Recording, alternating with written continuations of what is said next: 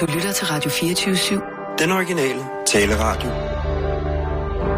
Velkommen til den korte radioavis med Rasmus Bro og Kirsten Birgit Schøtz-Krets Hørsholm. Mm. Okay, Sissel, jeg skal... Christoffer har glemt noget. Fanden. Altså, er jeg... Christoffer har glemt at logge af. Han har glemt at logge af Facebook. Skal du se her, nu laver jeg lige en ansigtsvoldtægt der. Det er... Øh...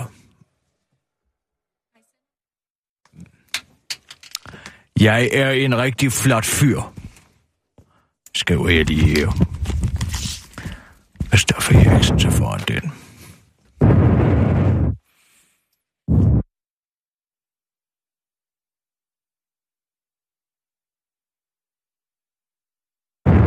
Skal vi øh, tage nogle nyheder, Sissel? Ja.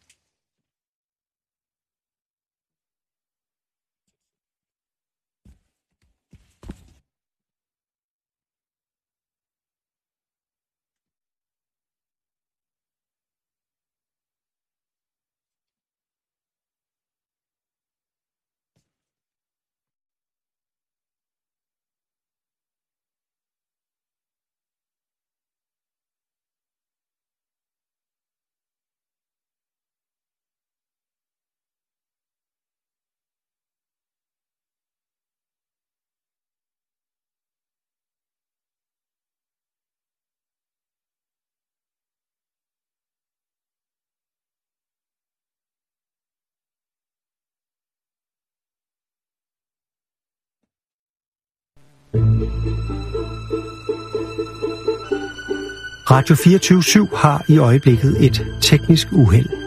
Vi arbejder på at finde fejlen og vender tilbage til det annoncerede program så hurtigt som muligt.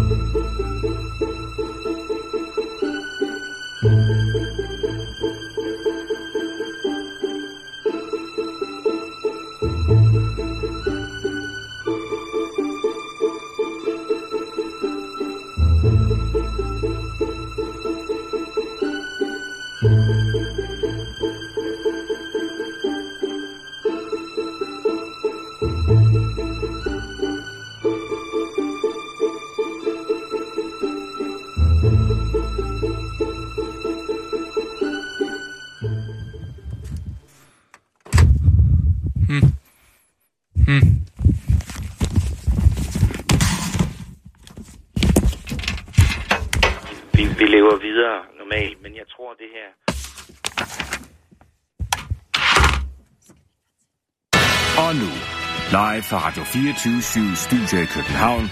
Her er den korte radiovis med Kirsten Birgit Schøtzgrads Hasholm. Alternativet sætter foden ned, men ikke over for imamer. Alternativet sætter nu foden ned over for forslaget om at udvise imamer fra Danmark, hvis de prædiker om stening eller øh, sharia.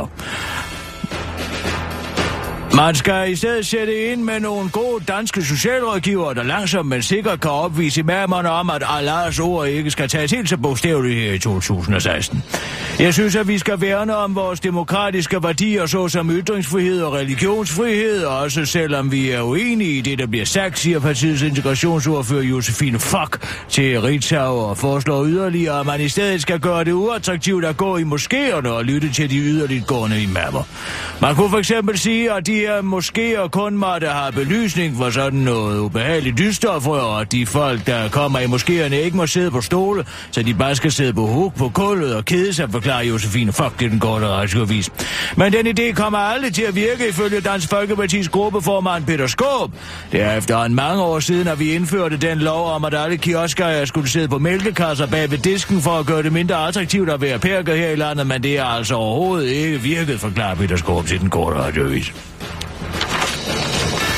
Hvad ville Anker gøre? Den nylige afdøde foranværende socialdemokratiske statsminister Anker Jørgensen har med få undtagelser fået pæne ord med i graven af både tilhængere og modstandere, når han bliver beskrevet som en tillidsfuld og folkekær leder. Nu har politikken spurgt en mand, der ifølge politikken har brugt de fleste af sine vågne timer på at undersøge fænomenet Anker Jørgensen om Anker. Hvis øh, Anker havde reageret, reageret i dag, stadig ville have været en tillidsfuld og folkekær leder, når nu en repræsentativ undersøgelse foretaget af Analyse Danmark for ugebrevet af fire viser, at over halvdelen af de adspurgte har lille eller meget lidt tillid til politikerne. Og svaret er ja, fordi Anker var et ordentligt menneske. Når politikerne i dag skal lære at agere som en professionel politiker, så lærer de det, som Anker Jørgensen så at sige havde indbygget i sin karakter, fortæller journalist Thomas Tura til politikken. Anstændigheden og ordentligheden skal simpelthen tilbage til Christiansborg. Når vi står i en kompliceret situation, burde vi politikere være bedre til at spørge os selv, hvad vil Anker gøre, foreslår formanden for Danmarks ordentlige parti, Søren Baba Papa Pape Poulsen til den korte radioavis, hvilket ifølge psykologiprofessor med særlige opgaver ved Københavns Universitet, Thomas Habekost, vil øh, være en rigtig god idé. Vi har tidligere set, hvordan folk ved hjælp af indeks med stor succes kan forstå komplicerede situationer, og så forklare dem til en, den almindelige dansker. For eksempel kunne Emma Holden ved hjælp af et brunchindeks fastslå, hvor mange flygtninge Danmark har plads til, ligesom man kunne for eksempel... øh, Ligesom man for eksempel kan bruge Storebæltsbroindekset til at sætte penge i perspektiv. Hvis et ankerindeks skulle gøre det nemmere for politikere at træffe beslutninger, så synes jeg bare, at man skal gøre det, afslutter professoren, mens han er på vej ud for at undersøge, hvordan man kan afhjælpe den sociale angst, som en million mennesker ifølge BT lider af. Folk i panik. Kørestolsbruger i flammer midt på gaden. Hold da. En uidentificeret fra Glostrup har fået alvorlige brændskader efter at det gik ild om mandag med, der skriver BT. Men ifølge BT's fotograf på stedet udbrød der vild panik blandt de folk, der var omkring manden inden ambulancen kom. Man lå inde i opgangen, og folk løb frem og tilbage med spande med vand, som de hældte på, om inden ambulancen kom, fortæller fotografen, mens politiet hverken kan fortælle noget om mandens alder eller min mulige årsag til ulykken. Københavns Vestegns politi oplyser dog, at manden ofte sidder og ryger i sin kørestol, hvilket altså ifølge BT ikke politiet kunne være en mulig forklaring på ulykken. På den anden ende af, uly- af lykkeskalaen sidder Anders Kvist Poulsen og Cecilie Kellegård, der mødte hinanden i TV2-programmet, uh, øh, i tv-programmet Landmand søger kærlighed og fryder sig. De er nemlig blevet forældre til en lille dreng, skriver BT, der også kan fortælle, at parret er uenige om navnet. Jeg går, kalder ham Torben, bare for at kalde ham noget. Og det vil Cecilie overhovedet ikke være med på. Hun vil have skade Christian, men jeg synes, det synes jeg ikke om. Jeg minder om en eller anden, jeg tager i skolen, fortæller Anders til BT. Så alt i alt er det været en helt gennemsnit. I dag fortæller psykologiprofessor med særlige opgaver fra Københavns Universitet, Thomas Habekost, der har udviklet et indeks, hvor man ved at samle dagens bedste og tristeste nyheder fra BT kan vurdere præcis, hvor god eller dårlig dagen har været til den gode radioavis, mens, man, øh, mens han stadig ikke har fundet ud af, hvordan man kan kurere den sociale angst, som en million danskere ifølge BT lider af. Det var den korte radioavis med Kirsten Birke Sjøskreds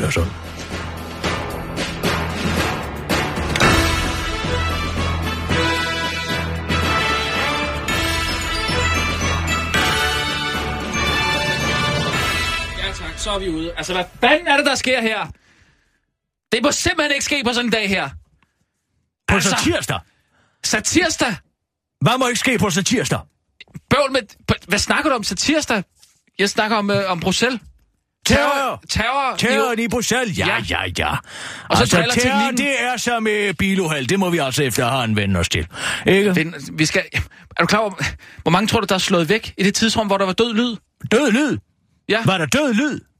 Hvad, hvad, skete der Jeg siden? har lavet et ansigtsvoldtægt af Christoffer Eriksen. Han har stået herinde og terroriseret danskerne med terrornyheder. Det... Og han har glemt at lave kage, så nu, er jeg, nu skal du høre, hvad jeg skrevet til ham. Jeg er en rigtig flot fyr, står der. Altså, som om det er ham, der har skrevet det, ikke? Jamen, hvorfor laver du sjov med, med Facebook? Øh... Fordi har glemt at logge ud af den, ikke? Du, vi skal da ikke lave sjov i dag. Hvorfor ikke? Ja, på grund af, af terrorangrebene. Altså, satirsdag udgår jo. Hvad mener du med det? Ja, det gør det altså, Kirsten. Satirsdag udgår? Ja. Satirsdag udgår aldrig? Jo, det gør den. I dag gør den. Og jeg har talt med... Hvorfor? Hvem siger det? Siger du? Vi kan sgu da ikke lave sjov på den her dag. Lave sjov? Hvem siger det? Hvem siger, man ikke må lave satirsdag på en terrordag? Ja, det siger Jørgen Så må Ramskov. de jo lade være med at springe i luften på en tirsdag. Jamen altså, de indretter sig jo ikke efter, hvornår du, du har din satirsdag. Altså, vi Altså, bliver jo Kirsten- nødt til at sætte hårdt mod hårdt her, ikke? Og stadig lave sjov og spas. Prøv at høre, vi laver ikke, altså, vi- laver simpelthen ikke satire. Hvad har Prøv- du så forestillet dig? At stå og trække øh, tærske langhalm på informationer, som ingen har? Ja. Hvad skal det betyde? Jamen, vi er da nødt til at, at være der, hvor, hvor øh, begivenhederne er. Og, Det er og, vi jo og- ikke. Nej, men vi skal da ringe til nogen dernede. Vi skal da... Sissel, har du fået fat på de der... Øh, øh, øh, hvad hedder det? Øh, øh, øh, har du fået fat på Morten, Morten Olsen, han bor dernede? Nej, nej, det har Hvor. Morten Olsen, hvad med ham? Fodboldtræneren. Ja, hvad så? Ja, han bor der! Og hvad så? Ja, så skal vi da tale med ham. Hvad han Hvorfor set, i han alverden skal vi tale med Morten han Olsen, bare fordi han bor i Bruxelles, og der er sprunget en bombe? Jamen, vi skal da tale med en kendt dernede fra. Har du fået fat i nogle øh, fodboldspillere dernede? Nej, det Fodboldspiller? Hvad i alverden ved de om Cykelrytter. ring dog til ham, Jørgen Cykelrytter. Der, er- der er simpelthen så mange Han cykelrytter. Der- Bonniksen. Hvad for noget? Ja, så ring dog til ham. Hvorfor? Fordi han ved noget om tæer, eller det påstår han der i hvert fald. Ja, det er en god idé. Vi ringer til ham. Og, og så skal vi ringe til øh, Islamisk Trosamfund. Vi skal, har, taget de, har, de, har vi fundet ud af, om de har taget afstand fra det Altså, her så nu? slap dog af, du er ved at få et hjerteanfald, kammerat. Ja, vi skal da vide, om de tager afstand fra det. Tag afstand fra hvad? Ja, for det her terrorangreb. Ja, ja, det siger de vel, de gør, men det gør de vel i virkeligheden ikke. er det korrekt, det er 15 døde? Er det korrekt, der er 15 døde nu? Hvad siger det? Er det det sidste? 23, ah, du følger jo ikke engang med. Vil du stå der i radioen og sige... 23? 23. Nej, altså, nu sådan- kan vi få en er pose ind til manden, han er jo gået totalt terror i terrorrundhyl Ja, her. I Altså, jeg tænker, vi skal... Øh, Hvad er det, du nej, vil? for helvede! For helvede! Vi har fuldstændig glemt speaker, Allan. Hvad er det med nu? Er ham er han død? Nej, det, det håber Er jeg i ikke, han er. Bruxelles? Det aner jeg ikke, men vi skal da have lavet nogle, øh, nogle, nogle speaks. Vi skal da have, have lavet noget med sidste terrornyt fra Bruxelles. Jamen, jeg gider ikke at gå igennem, at jeg ikke ved noget. Jeg skal ikke stå der med bare røv radioen og fortælle, nå, hvad ved du, og hvor er det i øvrigt henne, og hvor mange er døde, og så videre, og så videre. Gud vil jeg. Jamen, folk skal da vide, at de kan få deres terrornyt her. Terrornyt her. Terrornyt i en korte radiovis. Altså, det, det, det giver det sig selv. Altså, prøv at høre her. Da jeg var barn... Ja. Skru over for fjernsynet. Altså nu, Hvad sker der herovre? hold dog op! Ja, tusind tak, og vi ser altså samtidig med, at vi taler Ej, skal vi nu se Kim Bilsøe? Hvad- Det sidste, vi talte om. Altså, Han ved jo ikke noget. Prøv at se, der så er jeg ingen, der ved noget som helst. Så, lad du mærke til, hvad jeg gjorde. Folk var lagt Hvad op gjorde du? På at blive Jeg gik over på DR, fordi jeg gerne vil, vil vide, hvad der skete lige nu. Hvorfor i alverden går du så ikke ind på øh, BT? Ja, der sker- øhm, som Jamen, de har jo ikke en er fjernsynskanal. Rent, rent trafikalt, i det omfang, man nu kan gøre Altså, det. nu skal vi høre om, hvordan trafikken for, forholder sig i De har Bruxelles. blå blink. De har blå blink på det. Hvorfor Ja, det er sgu da klart, der er skal- sprunget tre Vi skal bomber. også have blå blink her. Folk skal vide, at de kan få deres blå blink her, Sissel. Ja. Det kan de simpelthen. Altså, vi, vi, vi må have et andet... Øh... Hvad er det, du vil? Hvad er det, du vil? Jeg kan ikke holde det her Ring til øh, speaker, ud. Ring til speaker, Allan. Skal jeg ringe til ham nu? Forbindelse ned til øh, Sabrina. Nej, du skulle have ringet- ringet til ham for fem minutter siden. Ja, undskyld. Øh, Tag det roligt, Sissel. Han er jo totalt hysterisk. Er der nogen særlige foranstaltninger? Kan du ikke slukke for Kim Bilsøe? Jeg kan ikke holde ud og høre på ham. Nej, jeg skal sgu vide, hvad Nej, han siger. nu slukker du for det lort! Det kan jeg godt sige dig. Ja. Nu stopper festen Okay. altså. Sgu da utroligt. Hvad er der nu? Allan, prøv at høre. Fodbold, eller hvad? Hvad siger du? Vi skal simpelthen... Hold nu kæft, Allan! Vi skal simpelthen bruge nogle speaks fra dig. Hvad?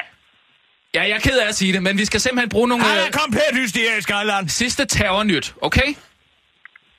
Sidste terrornyt. Hvor du nu skal tage hen. Hvor der er sket...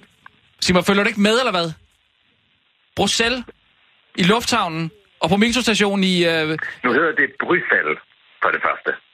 Jamen, så sig Det det. er nemlig rigtigt. Okay, Bruxelles. Okay, gider du at lave... Bruxelles. Okay, har du slet ikke fulgt med, eller hvad? Fuld- Jeg er lige stået op.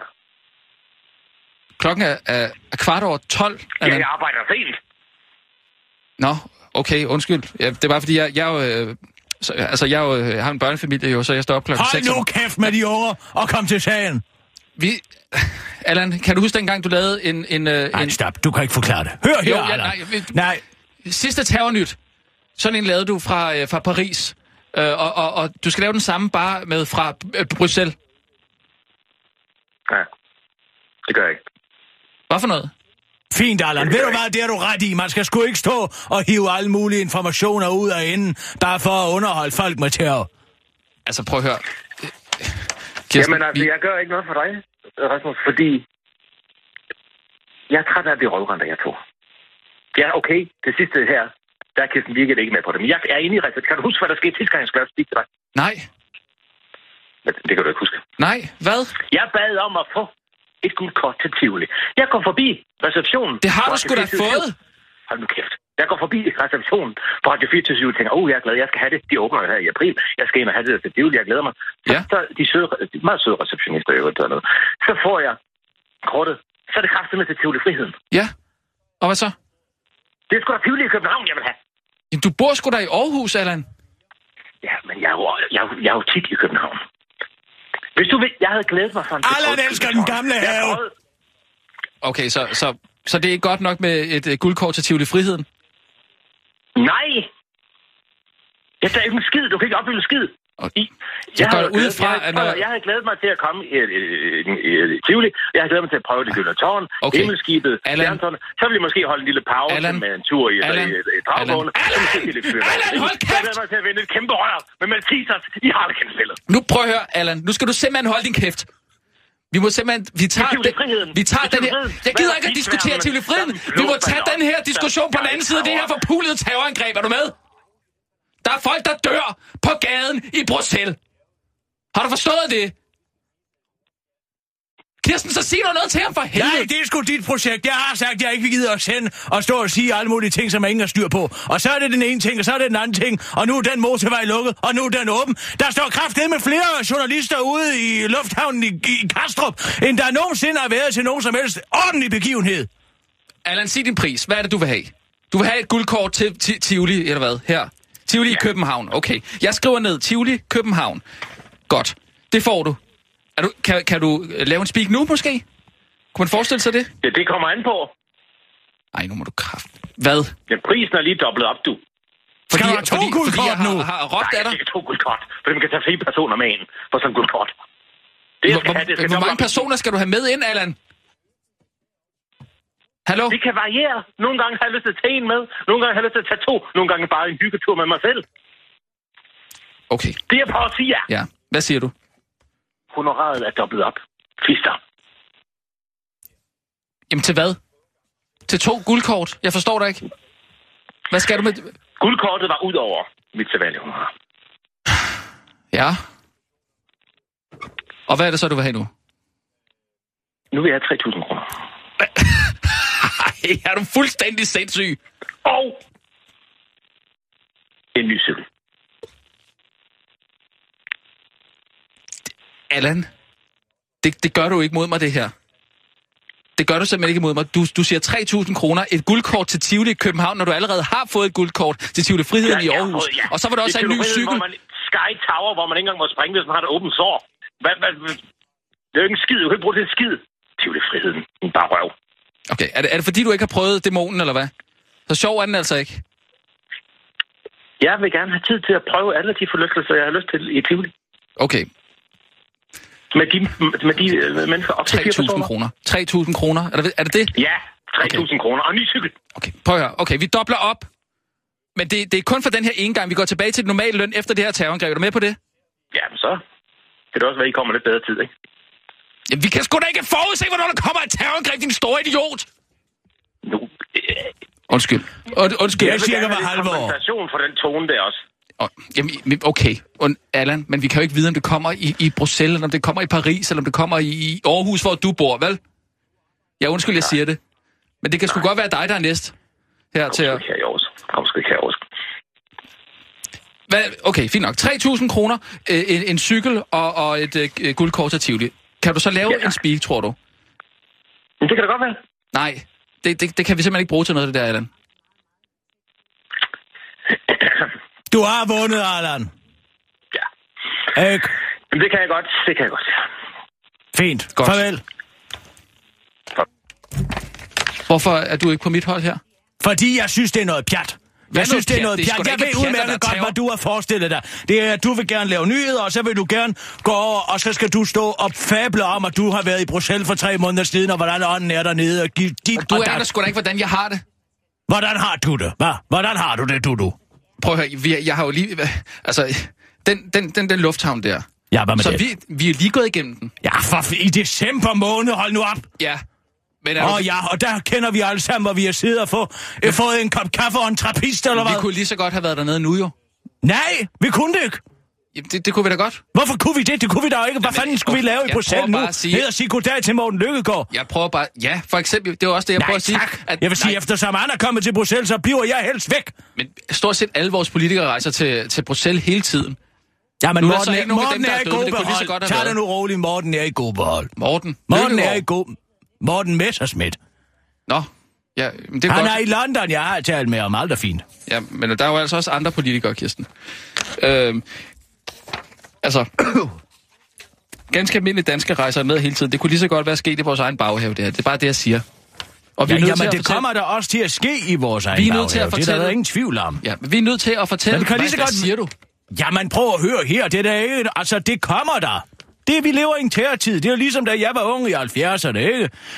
Rote Armee-fraktionen, Bader Meinhof-gruppen, og altså, hvad var den hed? PLF, PEP, eller hvad fanden det hedder, det der Palestinian der People's man jo- Liberation People's Front, eller hvad fanden det hedder. Der ikke? Hver slet- eneste uge, der var der jo et eller andet passagerfly, der stod stille i Schiphol, eller i, i Berlin Lufthavn, eller et eller andet, som var blevet kabret af en eller anden idiot med et pakistan og tørklæde, ikke? Men det viste man jo ikke i medierne hele tiden, og Nej. man ryddede sgu ikke fladeren, og dengang, der kunne man godt få lov til at se kontrapunkt, selvom der holdt et fly, en 747 stille nede i Rom, ikke? Det er jo en fuldstændig ændret medietid, vi lever i, Jamen, Kirsten. det er sgu da ikke til at holde ud og høre på. Helt ærligt. Nej, men- men... står og vader rundt i alle mulige, alle mulige spekulationer, og ligegyldigt, og hvem har vi med på en telefon? det er sådan, og man laver hvor- nyheder nu Og hvor mange er nu døde? Hvad med at vente til man ved noget, så Vi er nødt rapporterer til at det? fortælle, hvad vi ved, og også hvad vi ikke ved. Hvad fanden okay. står du og siger? Hører du, så du selv siger? Jeg vi siger- er nødt til at ja. fortælle, hvad vi ikke ved. Ja, Og hvad så er det, vi ikke ved? ja, vi ved ikke, om øh, islamisk trosamfund har været ude at at sige noget. Det er du da nødt til at fortælle. Det kunne jeg da ej nødt til at fortælle det. Du kan få lov til at fortælle det, hvis du gerne vil gøre dig selv til grin. Nej, nej, nej, nej. Det er, ikke, det er jo ikke det, jeg siger. Jeg siger bare, at, vi, vi, vi må ringe nogen op, lige høre, øh, hvad er status øh, pt? Hvad, hvad kan du se, hvis du kigger ud af vinduet lige nu? Hvad kan du se, hvis du kigger ud af vinduet? Tror du, det er skide interessant at høre på? Jamen, jeg står der heller Åh ikke i gud, det ryger. Alle ruderne er sprængt. Ja, det er sgu da en bombe, der er sprunget. Det er da helt naturligt. Jamen, det skal vi da have nogen til at beskrive. Hvorfor? Hvorfor vil du det? Jamen, altså, Hvorfor fordi, vil du gøre det lige nu? Jamen, fordi alle de andre gør det jo. Jamen, prøv at høre her. Hvis alle andre hoppede ud fra et bjerg, vil du så også gøre det? Ej, det er ikke det samme. Det er altså, sgu det samme. Journalistisk set er det at hoppe ud fra et ned i en kløft. For hver eneste mi- minut... Prøv at ikke- se her. Alle Danmarks fremmeste journalister, de står og spekulerer. Ja, skru op for ham. Skru for ham der, Kim Bilsø. Så skal Ja. jeg... Ja. situationen eller øh, beredskabet i Danmark. Trine, der var en ting, som, som øh, slår mig bare, når jeg hører både Ja, øh, gud Karin for Axelsen og hvad. tidligere... Stop udsendelsen. Det her med, at mobiltelefonnettet bryder sammen. Mobiltelefonnettet, Øh, det skal vi skete tale også om. i USA den 11. september 2011. Fordi så mange ringer jo. Jamen, Det er altså- jo derfor. Og det er jo, er det ikke et kæmpe problem? Jo. Altså, i Ej, det nu står Gud hjælp med at problematisere, at har mobilnettet er brudt sammen. Ja, fordi folk ikke kan ringe til deres nærmeste. jo. Nej, men så længe de ikke er døde, er alt vel er godt. systemerne ikke gearet til at kunne klare de her spidsbelastninger, som... Ej, nu må du fandme holde op, Kim. Bilsø. Sissel, vi skal ringe til TDT. det der, det bliver over mit liv. Det der, det bliver over mit liv. Øh, som sikkert også skal i gang med at blive evalueret Men altså, hvad på vil du- at have stærkere master. Men vi ser det jo igen og igen, og vi... vi Står de og taler om infrastrukturen i, i, i mobilnettet lige nu? Ja, fordi der er jo så mange, der ringer og, og gerne vil... Ved du hvad? Fint. Jeg stiller over til dig, så kan du få lov til at stå og prable løs. Jamen, jeg Vi står, kører. jeg står ikke i Bruxelles. Nej, men så må du sgu finde på et eller andet. Jeg er sgu ligeglad. Nu sætter jeg dig på pletten, du kammerat. Sissel, skaf noget, bag, skaf noget øh, Bruxelles-lyd. Hvis lufthavnen gør dig utryg, kan du nu flyve med to rundetårn hurtigere end en hesteflue. Føler du dig utryg ved lufthavnen for tiden, så er der kommet et nyt alternativ til at flyve. Et nyt luftskib vil nemlig dette at få luft under vingerne, eller heliumskroget, og det vil blive verdens længste af din slags. Luftskiftet Airlander måler 92 meter, og hvis du har svært ved at forestille dig, hvor langt det er, så lukker øjnene og forestil dig rundetårn. Selv hvis man lagde to af dem ned, så vil øh, det altså ikke være lige så langt. Ej, alverden. Hvilken procentdel Storebæltsbro den har kostet, vides ikke. Og luftskibet kan ifølge Hybrid Air Vehicles holde sig i luften i op til to uger. Til gengæld flyver den ikke ret hurtigt.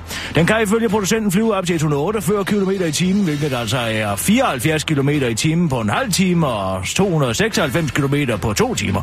Det svarer til den hastighed, en bjergdue kan flyve med, hvilket er lidt hurtigere end en hesteflue. Og lidt langsommere end en fregatfugl. Smarte ved Irland 10 er, at den ikke behøver en asfalteret landingsbane, da den kan lette ved at lande dødret. Desuden kan den lette fra åbne marker, ørkener, is eller vand, hvilket gør skibet attraktivt at bruge til nødhjælpsarbejde eller kystovervågning. Eller bare fornøjelse, som firmaet bagskriver. Så bare roligt, du kan nu i ro og med glide over ild og vand, mens Europa står i flammer. Bon voyage! Du skal dø af dårlig ledelse. En undersøgelse foretaget af Harvard Business Review og Stanford University har sat lighedstegn mellem passiv rygning og dårlig ledelse, forstået på den måde, at du har lige så stor risiko for at blive alvorligt syg, hvis din leder er dårlig, som hvis han eller hun puster dig lige i ansigtet med en smag. Og hvis det ikke giver stof til eftertanke, så ved Institut for Personaludvikling ikke, hvad det gør, skriver Institut for Personaludvikling på deres hjemmeside, hvor de har forsøgt at gøre undersøgelsen forståelig for den almindelige dansker. For til trods for, at der bliver forsket meget i og talt rigtig meget om, hvad god ledelse er, er det som om, at mange stadig ikke har forstået budskabet, skriver Institut for Personaludvikling, og konsekvensen er altså, at vi bliver syge og stresset og dør, ligesom et andet problem og desværre er, at alt for mange medarbejdere bliver i et job med dårlig arbejdsmiljø. For selvom 75 procent af de amerikanske lønmodtagere erklærer deres ledere ubetinget er den mest stressende del af deres arbejde, og 60 procent foretrækker en ny leder frem for en lønforhøjelse, så bliver 59 procent hængende i jobbet og holder ud. 11 procent siger op uden at have et nyt job, mens kun 27 procent vælger at sige op, efter de har fået et nyt job, altså, skriver Institut for Personaludvikling i en gengivelse, der næsten giver mening. Men heldigvis, men tilfældigvis og heldigvis for alle tilbyder Institut for Personaludvikling faktisk stressmanagement konferencer, hvor du kan lære at forhindre stress på din arbejdsplads ved at skabe en god og sund arbejdsplads. Og så er der godt nyt til dig med korte, plankede, men lige ben og små symmetriske patter og et godt hoved. Det viser sig nemlig i en ny undersøgelse foretaget af en evolutionær biolog på Cambridge Universitetet, at mænd er vægter intelligensen i kvinder langt højere end de fysiske attributter, når der kommer til at finde en mor til deres børn, det skriver The Telegraph. Og det er simpelthen fordi en intelligent kvinde i højere grad er tilbøjelig til at være en ansvarlig forælder, end en, der bare er smukker og store patter, forklarer den ansvarlige professor David Bainbridge. Bryststørrelsen betyder ikke noget, faktisk er større bryster mere tilbøjelige til at være asymmetriske, og mænd er meget tiltrukket af symmetri. Store bryster ældes også hurtigere, og mænd værdsætter ungdomlighed, siger han til avisen. Lange ben er heller ikke så vigtige ma- mageudvælgelsen, forklarer han, der, øh, der, der, der er mere fokus på, om de er lige og lige lange.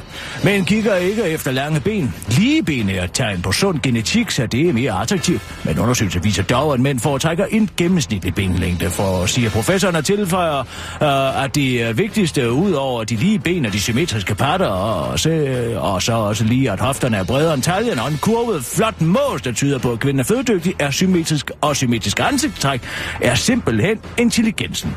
The Telegraph mener, at disse nye opdagelser måske kan forklare, hvorfor verdens lækreste skuespiller Geo Clooney valgte menneskerettighedsadvokaten Amal Alamuddin, der er nemlig primært er kendt for at være klog, udover selvfølgelig og gudsmukkeri. Den korte radioavis har bedt professoren om at komme med sit bud på, øh, hvilke kvinder danske mænd vil gå efter som mor til deres børn, og der kan han altså ikke i tvivl. Det er DF'eren Martin Henriksen. Han har godt nok små fede ben, men de er helt lige og robuste, ligesom hans ungbipatter er helt symmetriske, siger professoren til den korte radioavis og slår fast, at det eneste Martin Hendriksen så mangler for at blive den perfekte mor er ikke at være dum som et bræt. Ja, man kan jo ikke få det hele, afslutter David Bainbridge til den korte radioavis. Det var den korte radioavis med Kirsten Virke Sjøtskreds og sådan. Bliv hængende. Nu står vi direkte over til terrorekspert Rasmus Brun, der står ude for lufthavnen i Bruxelles.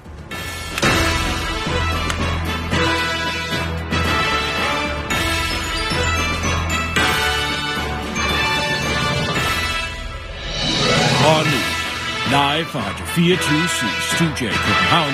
Her er den korte radiovis med sidste nyt om term i Bruxelles.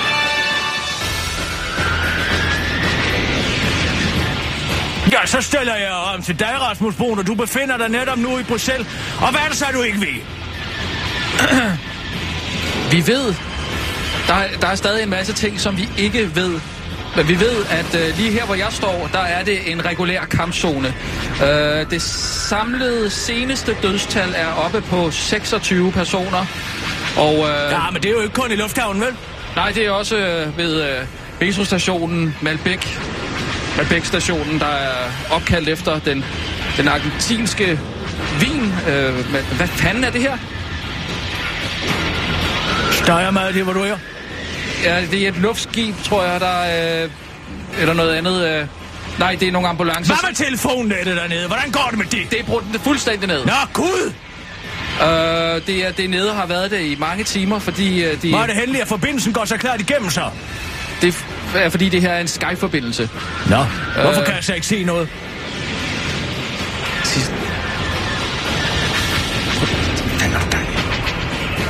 Nej, øh, jeg kan også fortælle, at Pia Olsen Dyr var rent faktisk på vej til Bruxelles Nå. øh, i et fly, øh, da hun fik at vide og hende og resten, de rest, resten af, af passagererne fik at vide, og bådflyet, at de ikke kunne lande i Bruxelles på grund af tog.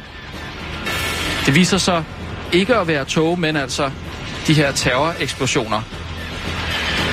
Og så fløj de tilbage til København og landede der, og var i nogenlunde tryghed, men selvfølgelig var passagererne rystet. Ellers at fortælle? Vi ved, at der blev råbt på arabisk, da... Ja, ja, men der er jo nogen tvivl om, hvem der har gjort det her. Der er jo ikke nogen grund til at vente på det islamiske stat. Vel, altså, det tyder jo alt sammen på, ikke at det er bombeveste, Vi- og så videre, og så videre. Hvad ved du ikke? Vi er ikke sikre på, at det er islamisk stat Nej, i nej, nuværende. nej. Men vi ved, at der er IS-sympatisører, sympatisører, der har øh, jublet over angrebene. Og så ved vi endnu ikke, hvad der er sket med den øh, flotte Tintin-rumraket, som jo står i lufthavnen i Bruxelles. Vi ved ikke, om den er kommet til skade, eller om den er blevet øh, bragt i sikkerhed umiddelbart før eller efter angrebet. Det står stadig hen i det uvæse. Nå. Hvad Hvis- ellers? Hvad har du ellers til mig? Ja, så kan man gå på Twitter. Åh, oh, gud fader på lokum. Og, Og hvad står der så her, der? står, øh, her tager øh, Lars Løkke Rasmussen, landets statsminister, altså øh, skarp afstand fra de her terrorangreb. Afskyelige angreb i BXL, altså Bruxelles. Ja. Mine tanker går til de ramte og deres familier. Vi står sammen med Belgien. Og det er altså den her stemning, der generelt øh, præger situationen lige nu. En, øh, selvfølgelig en stemning af frustration, men også en stemning af sammenhold. Tilbage til studiet. Ja, tak. Det var terrordækning. I den korte radioavis med terrorekspert Rasmus Broen.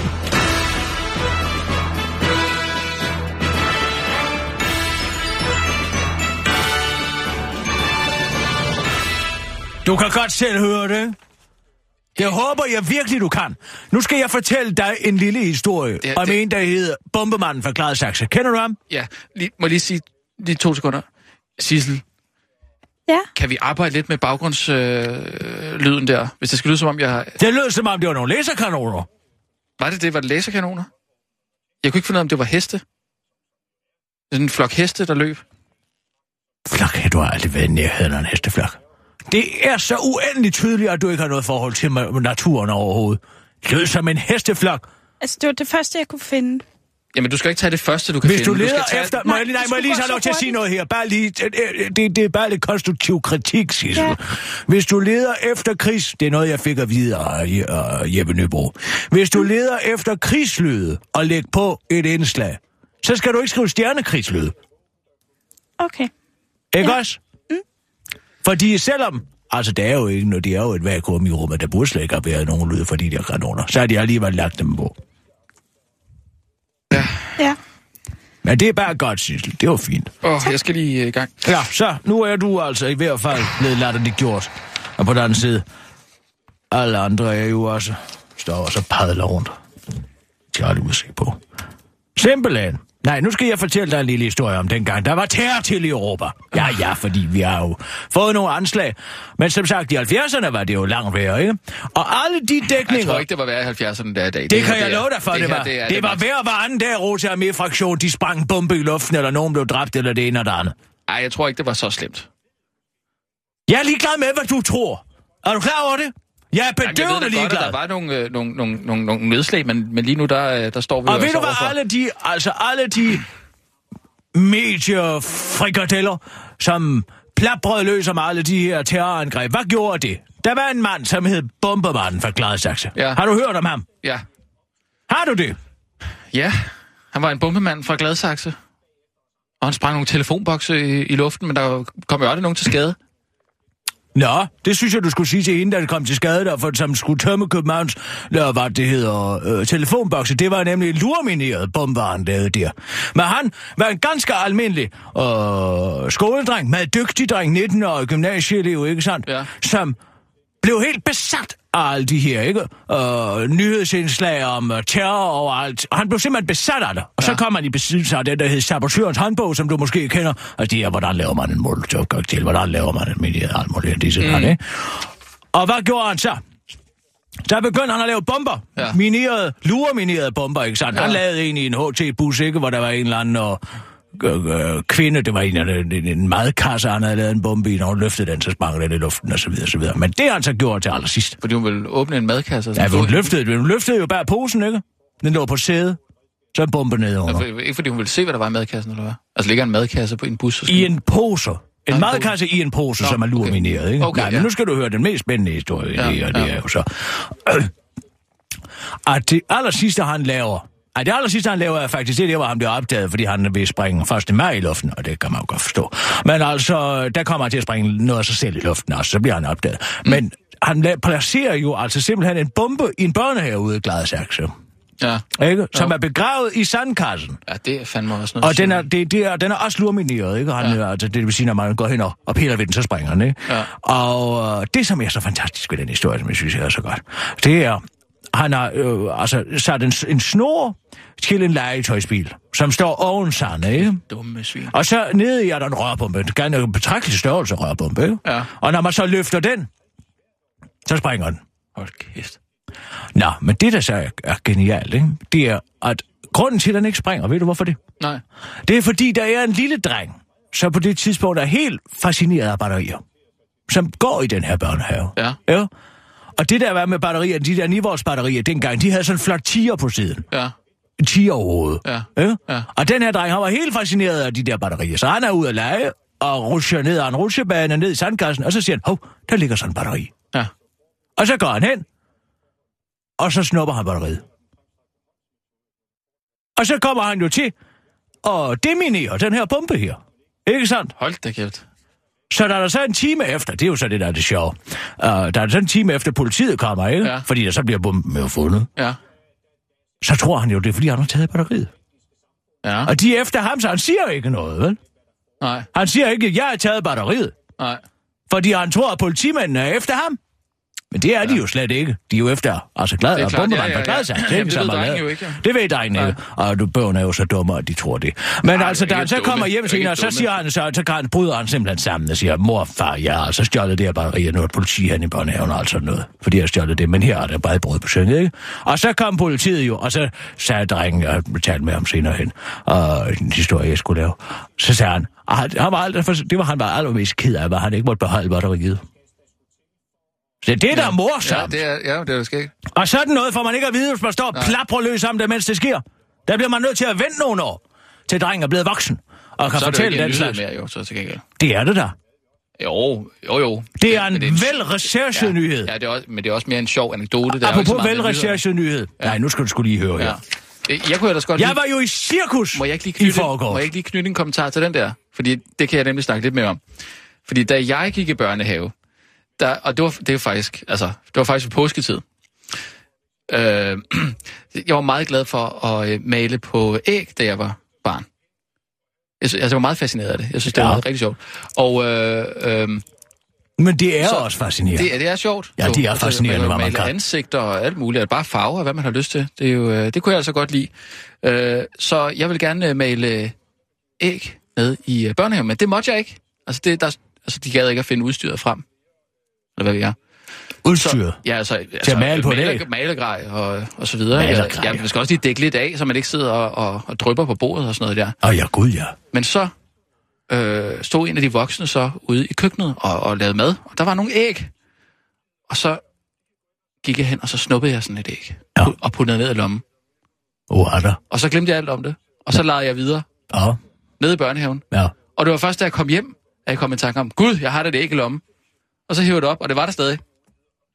Men du Er har det ikke ikke taget det op. Er det ikke en skør historie? Altså, det og jeg var jo også ked af, at jeg havde taget det jo. Jeg tænkte jo, ah, det var også lidt Ej, det er jo tyveri. ikke lige frem, fordi du har altså desarmeret en bombe, vel? du har nej. stjålet et hønseæg. Jo, men det er, jo- det er jo stadig tyveri. Altså, den historie handler jo ikke om, at det er tyveri af et batteri. Det handler jo om, at han uforvarende kom til at desarmere en mine. Jo, jo, men jeg kom til at, at, at stjæle et æg. Det var da også sådan lidt... Ja, det jeg ved godt, det ikke var det helt det samme. Nå, men du har været i cirkus, eller hvad siger du? Ja, jeg har været i cirkus. Hvad, hvad, siger du i øvrigt til mig? Jeg har været... Altså, jeg tager jo ikke derind, men jeg tager derud for at se, hvad der sker. Det er efter, jeg har fundet ud af det der med, at Dansk Folkeparti-medlemmer, de altid går i cirkus.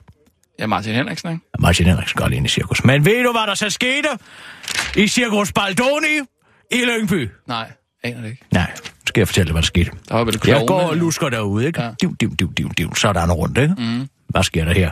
Spangulerer rundt, lader som ingenting. Løser billet, køber en popcorn, ikke? Ja. Så over velfanden. Nå, men hvorom alting er, så pludselig ser jeg ham. Peter Skåb! Var han i cirkus? Ja. Nå. Så går han ind. Nå, men så tænker jeg, jeg lusker lige efter ham, ikke? Kan du se det her gule chatek? Ja. Det går han med i hånden. Ja. På vej ind til Cirkus Baldoni i Lyngby. Ja. Ikke? Ja. Og så går han forbi en skraldespand. Hops. Og smider ud. Så tænker jeg, gud, hvad er det? Peter Skåb, han går og smider ud i Cirkus Baldoni i Lyngby. ja hvad, Så jeg lusker hen, Ja. som sådan en eller anden snasket grønlænder, ikke? Ja. Og kigger ned i skraldespanden. Mm-hmm. Og i stedet for pant, hæver jeg chatekket op. Ja. Og hvad står der i chatekket? Er det noget hemmeligt stemplet, eller hvad? Det er fremtidens nyheder, du. Fremtidens nyheder. Fremtidens nyheder. Jeg læser op. Det er sendt fra en journalist på DR, Morten Henriksen, til Allan Lønborg, som er Peter Skorps assistent. Mhm. Til orientering. Historien brækker efter planen næste onsdag morgen, den 23. marts, det er altså i morgen, Ja. på net og radio. Og samme dag kører den henholdsvis 18.30 og 21.30, altså nyhederne, ikke? Det, det er nyhederne til, til tv Det er nyhederne til morgen. Må jeg se. Værsgo, så kan du læse overskriften op der. Det er udkast til en artikel, som skal køre på net derovre på DR. DF og S. Ryd Pusher Street. Den omfattende hashhandel på Christiania skal væk, kræver Dansk Ja, det er altså kort sagt en nyhed om, at uh, Peter Skåb og Tine Bremsen er gået sammen, altså de to retsordfører er gået sammen om Ja. at presse Søren Pind til at ville rydde Pussy Street. Og det er en nyhed i, i, i tv-avisen Ja, den kommer i morgen i nyhederne, ikke? Ud. Nå. Men jeg tænkte, at vi kunne køre den nu. Altså, øh, kører den her nyhed? Ja. Men det er jo ham her... Det gælder om at komme først i nyhedsverdenen, og vi skal ikke engang skrive den selv, for der er allerede en anden en, der har skrevet den. Jamen, det er jo Morten Henriksens nyhed. Ja. You snooze, you lose. Så du vil simpelthen bare køre en anden journalistnyhed, som han har siddet og arbejdet på? Eller Ja, hvad? hvorfor ikke? Ja, Det gælder om at komme først med den slags, ikke? Og hvis man kan se ind i fremtiden, så bliver man jo også nærmest kaldt et orakel. Bare se på Måns Kammer, der foreså det her uh, terrorangreb i Bruxelles for et år siden. Ikke som om, at det skulle være noget særligt stort Nostradamus-nummer, ikke sandt? Vi ved jo alle sammen, at alting springer i luften over om rygerne på os. Så vi kan faktisk være først med den her nyhed, siger du? Ja, ja. Det, det skal vi da lige køre noget breaking på, så. Kan vi lige lægge... Nej, ta- vi er- Jo, vi lægger lige terroren til side en gang. Så er vi først med den her. Nå, det kom du lige på helt tilfældigt, efter du blev ydmyget på landsdækkende tv i at stå og plapre løs om ting, du ikke aner en skid om. Selv tak, Okay. Rasmus Brun. Må jeg høre det?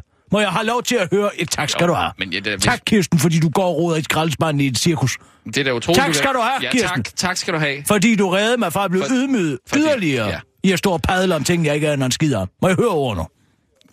Jamen, tak skal du have. Godt. Så lad os køre, Sissel. Og, Og øh, det skal være breaking. Men ikke fra Bruxelles. Nu, Nej, nu, nu er kører vi med den her. jeg tager lige to nyheder først, og Sissel, så går vi breaking på den sidste her. Ja, det er modtaget. Godt. Klar. Parat. Skarp. Og nu, live fra Radio 24 Studio i København. Her er den korte radiovis med Kirsten Birgit Schøtzgrads Hasholm. Ansæt en kvinde og bliv rig. Resultaterne er klare. Flere kvinder i topledelsen forbedrer bundlinjen, skrev direktør for den internationale valutafond IMF, Christine Lagarde, for nylig på sin blog, hvilket hun har fundet ud af, fordi en forskergruppe under IMF har analyseret ikke mindre end 2 millioner virksomheder i 34 europæiske lande, og nu altså kan konkludere, at virksomheder med kvinder i direktionen og bestyrelsen har en signifikant højere rentabilitet.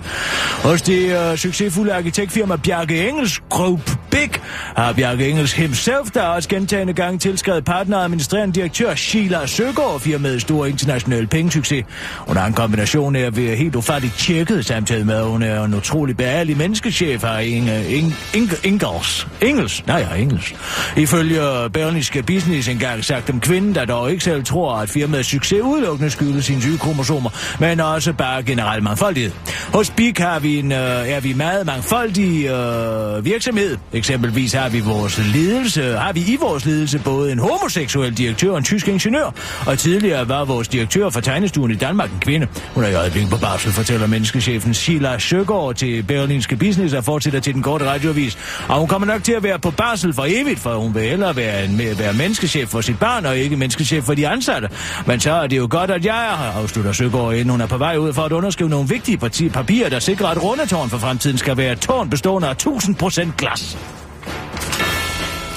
Ny minoritet kan nu træffes i Folketinget. Snart til skrives der historie i Folketinget, og enhedslisten den 4. april får det første X-Factor-medlem af Folketinget i parlamentets mere end 150 år lange historie. Det sker, når enhedslistens finansordfører Pelle Dragsted tager tre uger selvbetalt overlov for sit politiske arbejde. Han har startet sig suppleant i Københavns Storkreds 30 år i Sarah Glerup, der mest er kendt for sin deltagelse i DR1's talentshow X-Factor. Hun er stolt og beæret over at blive det første folketingsmedlem, der har været med i talentkonkurrencen X-Factor, og hun er helt forberedt på, at hendes handicap vil stjæle billedet. Men sådan må det være. For at altid kigge på mig og grine af, at jeg har været med i X-Factor, siger hun til den korte radiovis og fortsætter op. Det er både godt og skidt, men jeg tror, det har en stor betydning for andre, der har været med i et reality-show, og man kan se, at man også kan være medlem af Folketinget, selvom man har det handicap, siger hun, øh, og peger på, at øh, det der bliver en udfordring ikke at Thomas Blackman ved sin side.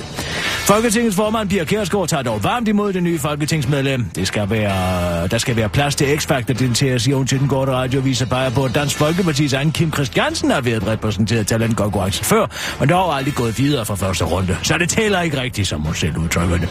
I dag arbejder Sarah Kleop som kommunikationsmedarbejder i enhedslistens sekretariat på Christiansborg, så hun kender både det politiske arbejde og de fysiske rammer på slottet her. Øh, her kommer hun øh, rimelig let rundt via de mange elevatorer, men talerstolen i Folketinget er en udfordring. Det arbejder Folketingets administration på at løse. Det vil ifølge Sarah Kleop ske ved at opstille en intermistisk øh, autotune-mikrofon foran talerstolen, hvorfra hun kan tale. Og nu til breaking news. Breaking news fra den korte radioavis. Her er Kirsten Birgit Schøtzgrads Hørsholm med sidste nyt. Altså til fremtidsnyhederne. Rød Pusher Street. Den uheldige alliance, Socialdemokratiet og Dansk Folkeparti vil gå sammen om at tvinge Sauron Pind til at rydde Pusher Street, det skriver DR Nyheder i morgen, og den korte radioavis efter at have samlet et chatek, som Peter Skåb smed på, ud på vej ind i Cirkus Baldoni i Lyngby. Og så er det ikke engang løgn. Chatekket indeholdt et artikeludkast til nyheden, ligesom en foreslået offentlighedsgørelsesdato øh, den 23. marts, altså i morgen. Det er som sagt Socialdemokratiet og Dansk Folkeparti, der går sammen om at rydde Pusher Street, og Peter Skåb forklare nødvendigheden af, at den enøjede justitshævner Søren Pind tager affære. Søren Pind skal lave en handlingsplan, så vi kan tro på, at vi får fjernet hashhandlen fra Christiania. Har så været skadeligt for den enkelte, siger Peter Skåb i morgen til DR Nyheder og tilføjer til den korte radioavis. Bare se på Jakob Holt. Og hvis Søren Pind ikke hører efter, så vanker der forklarer så Peter Skåb. Der vanker nemlig det, at Dansk Folkeparti vil indkalde til en forspørgselsdebat i Folketinget med henblik på at samle et politisk flertal, der presse en ny strategi igennem, som der står i artiklen, der nok lige skal læses korrektur på, inden den kommer på DR.dk i morgen.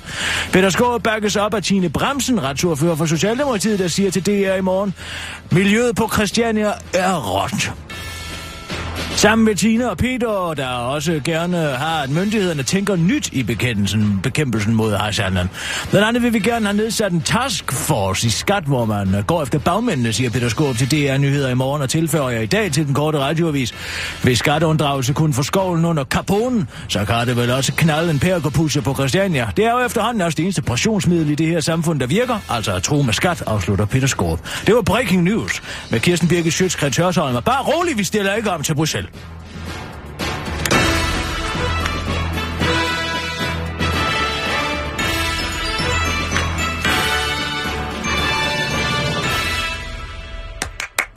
Bravo, Sissel, vil det- du ikke lige ringe til ham der Morten Henriksen, som har skrevet den her artikel ude på det Fra her? DR?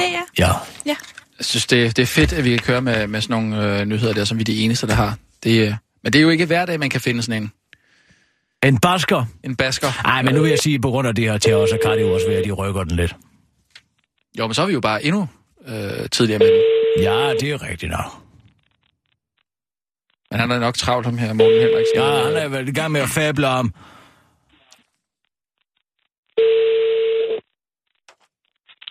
Har du ringet til Morten? Øh, Jeg kan ikke tage telefonen lige nu, men øh, du skal være så velkommen. Jeg lægger bare besked, Sissel. Og så vil jeg ringe. Ja. Ja, goddag, Morten. Det er Kirsten Birgit Sjøtskrets Hørsholm fra den korte radiovis på Radio 24 /7. Vi kender ikke hinanden.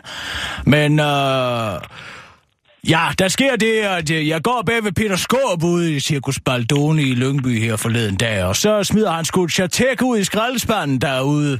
Og det samler jeg op, og i den der ligger et udkast til en artikel, som skulle komme øh, altså på DR.dk i morgen, og også, øh, ja, hvad står der, kører henholdsvis 18.30 og 21.30 i, i TV-avisen. Jeg vil bare sige, at vi har kørt den.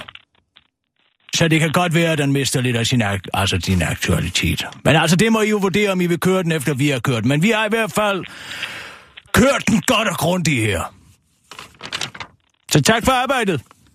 Det er altid god stil, lige at sige, ikke? Det var altså kisser fra den korte radiovis på Radio 24 Cut mig ud, Sissel. Du er ude nu. Sådan. Åh, oh, det føles godt. Det var næsten lidt, lidt ondt på en eller anden måde. Nej, det synes jeg ikke. Synes du ikke? Nej, det synes jeg ikke. Han kan tage den med Peter Skåb. Han kan købe sådan en makulator, den idiot. Måske skulle vi købe en og sende over til ham. Tillykke med den, dit fjols. Og så lad være med Ja. at gå i cirkusaften. Altså helt ærligt, køb en DVD med et eller andet på. Cirque du Soleil eller et eller andet. Hvorfor er de så vilde med det cirkus der? Det, er den... Det er klovnen. Dansk Folkeparti elsker klovnen. Kan ikke få nok af klovnen. Jeg skal jo til Lomov Påske. Lummer påske? Ja. Er det noget øh, TV2 Zulu øh, arrangement, eller? Nej, nej. Det Lummer er påske? op hos Søren og Peter. Øh, Og Søren og Preben, undskyld. Nå, Søren og Peter Preben. Skaarup. Ja. Altså Peter Skåb? Nej, nej, jeg kom til at sige Peter, fordi og det og Elias Er du Peter siger- Nå, okay, ja. Nå, Og så, Søren og Preben Christensen. nå, holder du også påske sammen med dem? Ah, men det er en fest. Er det et lummer påske? Det er altid meget se- sensuelt. Nå, hvordan? Ah, sidste år, der kommer det op, så kører jeg jo deroppe, ikke? Ja. Så det er, han kommer til huset, så jeg, kan se sådan et eller andet stor. Sådan en stor lyserød sag, stor, altså sådan en stor hoppe. Jeg synes, jeg kan se den lige over carporten. En lyserød elefant, eller hvad? Nej, altså, må jeg være fri. Sådan en lyserød plysset ting. Og jeg aner ikke, hvad det er, vel? Men jeg ved, der foregår et eller andet. Og da jeg så bliver budt indenfor af Preben, så siger jeg, hvor er Søren hen? Prøv at gå ud og kigge ud af haven, siger han så. Ja. Så kommer jeg ud. Så står Søren i sådan et stort, altså påskekostume. Og så har han sådan nogle fjeder på benene, som er sådan nogle... Øh, hvad hedder sådan nogle? Øh, kænguru Sådan nogle, stylter, det er sådan nogle øh, bananer. Det ligner sådan nogle metalbananer, som man spænder på fødderne. Det er ikke en Sådan nogle, stylte, øh, men nogle man kan hoppe- springe enormt højt, Nå, hvis man ja, har okay. på sådan nogle Nej, på. nej, nej. Og så hopper han rundt, ikke? Og synger øh, en eller anden påskesang. Jeg, jeg, jeg tror faktisk, det var for Messias. Men jeg ved det ikke. Et eller andet, ikke? Så siger jeg, nej, nu har jeg sgu aldrig. Nå, Ja, men så nå. siger jeg, ja, du har ikke set det hele endnu, kisser. Jeg hvad skal nu ske? Ja. Nu skal vi på æggejagt Ja. efter påske. Så det- så kan I trille æg? Altså, Trille æg, nej, nej, ikke trille æg. Men så er de jo gemt alle mulige forskellige æg. Og i alle afskygninger simpelthen. Ja, ikke? Og ja. jeg skulle finde dem alle sammen. Først så går jeg ind, altså ind i kaminen, så ligger der stor struseæg derinde. Ikke? Så siger jeg, nej, nu har jeg fundet et. Og så går jeg ud i haven, og der er hønseæg og Nå, ja. og stenbiderrovn. Nå, Okay, men nå. jeg finder alle mulige forskellige slags æg. Hold Og så siger jeg, nu, nu kan jeg altså ikke mere, dreng. Jeg kan ikke finde flere æg. Ja, Jo, du mangler stadig tusind, Kirsten Bæk. Ej, altså tusind, jeg kan da ikke finde Tusind æg. tusind mere. Hvad så? Så siger han, prøv at kigge om på vitrinskabet. Ej, altså, nu kan jeg snart ikke mere. Nu må jeg have en, en skarpe. Nu må jeg snart have en af dine snaps. Men jeg kigger alligevel derop. Bum! Så ligger der altså en vidunderlig beluga. Nej. Æskebeluga. Nej. Jo, det var Hold så skønt, ikke? Og så sagde jeg, nej, nu har jeg fundet alle æggene, og nu bliver det lummert, ikke? Ja. Siger, så siger jeg, nu har jeg fundet alle æggene. Ja. Så siger så, nej, der er stadig et. Et æg tilbage. Men det kan du ikke finde, Kisser. Nå. Siger jeg, hvorfor kan jeg ikke det? Det er kun Preben, der kan det. Okay. Altså. Mm. Nej. Nej. Jo. Nej. Simpelthen. Så havde han hoppet rundt nej, og nej. alt det der. Nej. Med sådan et guldæg op i sig. Nej. Jeg synes, jeg ikke kunne høre sådan en snoren. Jeg blev også ved med at sige til ham, din telefon ringer. Var det så sådan en, som Preben havde kontrol over, eller hvad? Jeg ved ikke, hvor de havde febertæt. Det spurgte jeg ikke til. Men jeg tror, at en af dem kan styre den anden. Det er, jeg ved det, det er fandme lummer påske, det der. Det, kan, jeg- det, det må jeg godt nok sige. Ja, det er meget eksklusivt. Altså, de laver jo det her legetøj enormt eksklusivt efterhånden. Ja. Altså, det er jo fine metaller, og, og altså, det er jo ikke sådan noget snavset polsk plastik alt sammen, vel? Man kan få noget rigtig flot noget, faktisk. Jo, jo, jo, det er klart. Og det køber de jo. Ja. Men så spiste vi kaviar, og så havde vi faktisk en god frokost. Og så Bremen laver jo sin egen snaps. Ja, ja. Ikke? Og det er de I samme, der går igen øh, til, Nej, til han prøver altid noget nyt. Sidste Det år havde han lavet en, um, havde han lavet en vidunderlig porse. Ja. Ja. Altså fremragende porse snaps. Ja. Ja, men det drikker I da også til, til jul, ikke? Er det ikke det? Eller hvad? ja, men det er ikke det samme. Han laver det sæsonbetonet. Han er jo okay. helt ude i, altså, i spise, spisekammeret. Ja, ja. Der står det jo mørkt og godt. Ja. Og, og jeg får lov til at... Det hedder noget særligt, når det får lov til ligesom at skure det der ur, der har jo. Gære lidt eller et andet, ikke? Nej, det skal gære jo. Nej. Og det er det, som mange begår den fejl, og det siger Preben også altid. Der er mange, der putter billig vodka på. Og Ja. ja. det skal man ikke gøre. Nå. Fordi hvis du starter med dårlig råvarer, det siger alle kokke, Ja, ja, ikke? det er så, bliver klart, det, det så klart. bliver det Ja, ja. skidt. Ja, ja. Så han tager ja, en Belvedere eller en Gregus Ja. ja. eller et eller andet, som er en god dyr vodka, ikke? Og heller øh, ja, nogle blade på, eller en, en, nogle bær, eller et eller andet. Ikke? Ja. Og det smager altså godt. Hvad med sådan en strusæg? Hvordan smager det? Det smager faktisk udmærket. Det er lidt sejere end et hønseæg, ikke? En stor øh, omgang, er det ikke? Hvor fanden får man Det er et cirka fra? 28 gange større end et hønseæg. Hvor fanden får man sådan et fra? Ja, det kan man få alt muligt. De har jo ikke, man kontakter ikke. Det var heldigvis ikke sådan et, han havde op. Nej, nej. Så kan det godt være, at han ikke ville op så lyst til rundt det her. Ja, det kan godt være. Måske være lidt mere tynget af det. Ja, ja jeg skal bare til Vejle Fjords bag og holde påske. Så det, det er nok ikke helt lige så lov. lovmert, selvom det måske lige alligevel godt kan, kan blive lidt.